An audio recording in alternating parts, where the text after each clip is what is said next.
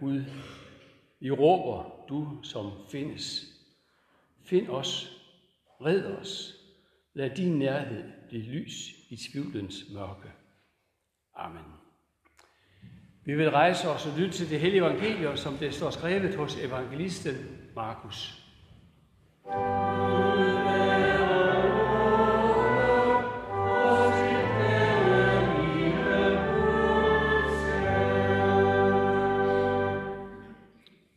Da Jesus, Peter og Jakob og Johannes kom ned til disciplene, så de en stor skare omkring dem og nogle skriftkloge, som diskuterede med dem. Hele skaren blev grebet af ærefrygt, straks de fik øje på Jesus, og løb hen for at hilse på ham. Han spurgte dem, hvad er det, I diskuterer med dem? Og en fra skaren svarede ham, Mester, jeg har bragt min søn til dig. Han er besat af en ånd, som gør ham stum. Hvor som helst den overvælder ham, kaster den ham til jorden, og han fodrer og skærer tænder og bliver helt stiv. Jeg sagde til dine disciple, at de skulle drive den ud, men det kunne de ikke. Der udbrød Jesus, du vantro slægt, hvor længe skal jeg være hos jer? Hvor længe skal jeg holde jer ud? Kom herhen med ham. Så bragte de ham hen til Jesus. Men da ånden så ham, rev og sled den straks i drengen, så han faldt om på jorden og lå og frode og vred sig. Jesus spurgte hans far, hvor længe har han haft det sådan? Han svarede, for han var barn, og den har mange gange kastet ham både i ild og vand for at gøre det af med ham. Men hvis du kan gøre noget, så forbarm dig over os og hjælp os. Jesus sagde til ham, hvis du kan, alt er muligt for den, der tror. Straks råbte drengens far, jeg tror, hjælp min vantro. Da Jesus så, at den skare stemnede sammen, troede han, at den urene ånd og sagde til den, du stumme og døve ånd, jeg befaler dig, far ud af ham og far aldrig mere ind i ham. Der skreg den, og rev og sled i ham, og for ud. Og han blev som død. Så alle sagde, han er død. Men Jesus tog hans hånd og fik ham til at rejse sig op. Da Jesus var kommet inden døre og var alene med sine disciple, spurgte de ham, hvorfor kunne vi ikke drive den ud? Og han svarede dem, den slags kan kun drives ud ved bøn. Amen. Værsgo at sætte den i.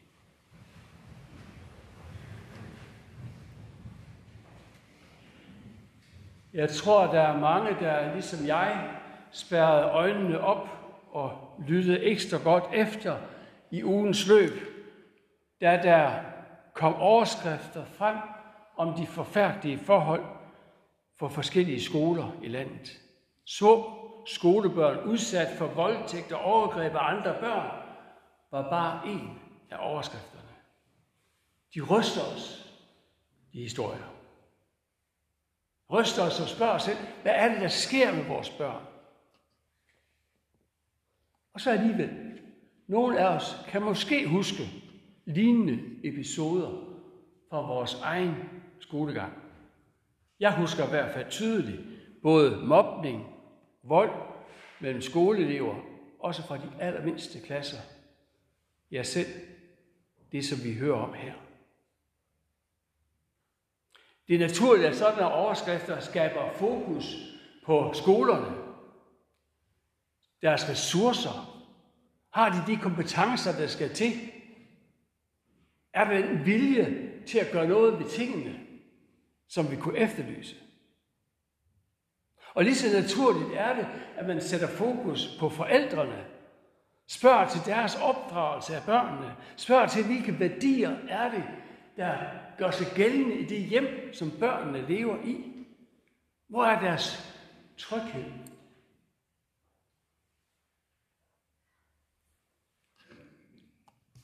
Men i virkeligheden, så skal vi måske lige så høj grad sætte fokus på selve menneskeheden.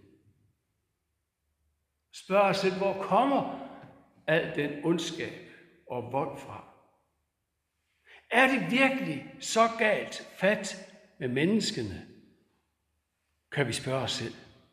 Vi hørte det jo før, læst op fra første Mosebog, fra skabelsesbogen, hvordan mennesket blev skabt i Guds billede. Altså sådan, at der er noget i os, der ligner Gud. Jeg vil sige, jeg håber ikke, det er dette. Og vi skal heller ikke læse ret længe i beretningen, inden vi når frem til, nej, det er det ikke. Det, vi ligner Gud, det er vi velsignelsen. Det er i frugtbarheden. Det er det, at vi skal herske og underlægge os jorden, ikke med vold og magt, men ligesom Jesus selv, ved at der hersker ved at tjene, ved at give sig hen og underkaste sig. Det er her i mennesket er skabt, så vi ligner Gud. Vi hørte, at Gud så alt, hvad han havde skabt, og han så, hvor godt det var. Altså, skabt er vi til at leve i fællesskab med Gud og i fællesskab med andre mennesker. Og alt var virkelig godt. De blev sat i haven, menneskene. I en fred og en harmoni, som vi dårligt kan forestille os. Et glansbillede næsten er det. Og så kommer vi til evangeliet. Altså evangelieberetningens ord i dag. Som giver et billede af, at sådan er det jo langt fra mere. Og det ved vi jo godt. Det er jo det, vi erfarer, når vi læser de overskrifter. Og den dag, der var det en dreng, der var decideret var besat af onde åndsmagter. Vi kan næsten ikke forstå, hvad det indebærer. Men det fortæller os i hvert fald, at den ondes og det ondes magt betyder, at ikke engang børn er uskyldige.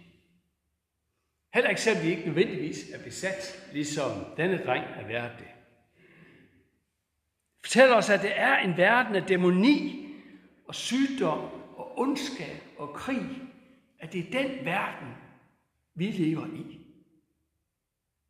En verden, hvor vi gang på gang kastes i både ild og vand, også selvom vi ikke decideret er besat af onde åndsmagter. Og det er svært for os at drage grænsen for, hvornår er der tale om almindelig ondskab og dæmonisk besættelse, som her taler om. Og det er heller ikke det afgørende, at vi kan trække den grænse. For kuren, kuren er den samme. Kuren, det er Jesus. Kuren, det er bøn. Det er mødet med Guds magt og suverænitet, som Jesus bringer med sig. Beretningen fortæller om disciplene, der var uformående over for alt dette. De kunne ikke hjælpe dem, da de kom med den stakkels dreng. Og den her uformåenhed kender jeg, og tror jeg mange kender, både som, jeg kender den både som præst og som kristen menneske. Den uformåenhed, der altså gælder, når man sidder ved et sygeleje og ikke magter noget. Den uformåenhed, der gør sig gældende, når vi møder en nødsted, så vi ikke formår at hjælpe på ret vis. Vi beder. Vi læser. Vi lytter. Men han er stadig syg. Måske mærke til døden. Hun er stadig fortvivlet, så hun selv ikke kan se lyset. Børnene rammes stadig af den mobning, eller mobber selv andre. Uformående kan vi være. Og så møder vi Jesus, der siger, alt er muligt for den, som tror. Jeg forstår godt, at faren han råbte, jeg tror, hjælp min vantro. Det er en naturlig reaktion. Og spørgsmålet er jo i den sammenhæng, om det er selve vantroen, der er det største problem for menneskene. Ikke sådan den enkeltes vantro, sådan at der skulle være en sammenhæng mellem den manglende tro og den sygdom, som man nu bliver ramt af. Nej, menneskehedens samlede vantro. Denne vantro slægt som Jesus taler om i evangeliet? Er det det? Måske er det i virkeligheden det, som er selve hovedproblemet. I hvert fald er det klart, at hjælpen er at fokusere på Jesus. Da Jesus kom til ham, der skete der ikke det, at manden pludselig fik større indsigt i, hvem Jesus var. Det var ikke sådan, at troens fasthed eller størrelse, nødvendighed, blev anderledes i den sammenhæng. Nej, det, der var anderledes, det var, at Jesus var der. Han kom til ham. Han stod foran ham. Han tog sig af ham.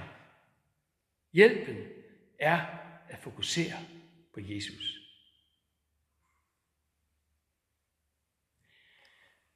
Jeg ved ikke, om I lader mærke til det. Vi hørte fra Hebræerbrevet, det er en, lidt, en tekst, som godt kan være sådan lidt tung og svær at få fat i med Jesus, der bliver omtalt som vores ypperste præst. En, et billede, som er hentet fra det gamle testamente, hvor ypperste præsten netop er ham, der skal formidle fællesskabet, forbindelsen mellem Gud og det menneske, der hører til i den der vantro slægt, i den der slægt, der er kommet ud af faldet, ud af ondskaben. Der har vi brug for en mellemmand. Der bliver fortalt om ham, om denne mellemmand, om ypperste præsten, at han indsættes til på menneskers vegne at gøre tjeneste for Gud, ved at frembære gaver og slagtoffer for deres synder. Altså, vi har brug for en, der kan forsone os med Gud. Der kan genoprette balancen og fællesskabet mellem Gud og mennesker, og dermed også mellem mennesker indbyrdes. Og det er Jesus, der er denne ypperste præst, denne mellemmand, denne direkte linje fra os til Gud, det er Jesus. Han er vores direkte linje til Gud for evigt. Så når Jesus kommer, så kommer hjælpen. Og der står fortalt om Jesus, at da han havde nået målet, blev han årsag til en evig frelse for alle dem, som adlyder. Han nåede målet, Jesus. Det er fuldbragt, sagde han på korset. Og dermed er målet nået. Den evige frelse blev til en, evig, blev til en realitet. En frelse, der går gennem døden og op til livet. Går gennem Jesu død og opstandelse til evigt liv. Vender os til evangelieberetningen, så, så er det som om, vi bliver efterladt i en lille smule uvidshed. Hvad sker der med drengen? Der står, at de siger, at han er død. Og sådan så står at han ligger, som om han var død. Ligesom om man ikke helt kan afgøre. Men det afgørende, det er, at Jesus rejser fra de døde. Giver ham tilbage til livet. Giv ham tilbage til et liv uden dæmonerne. Så en forkyndelse af håb også ind i vores liv og i vores verden.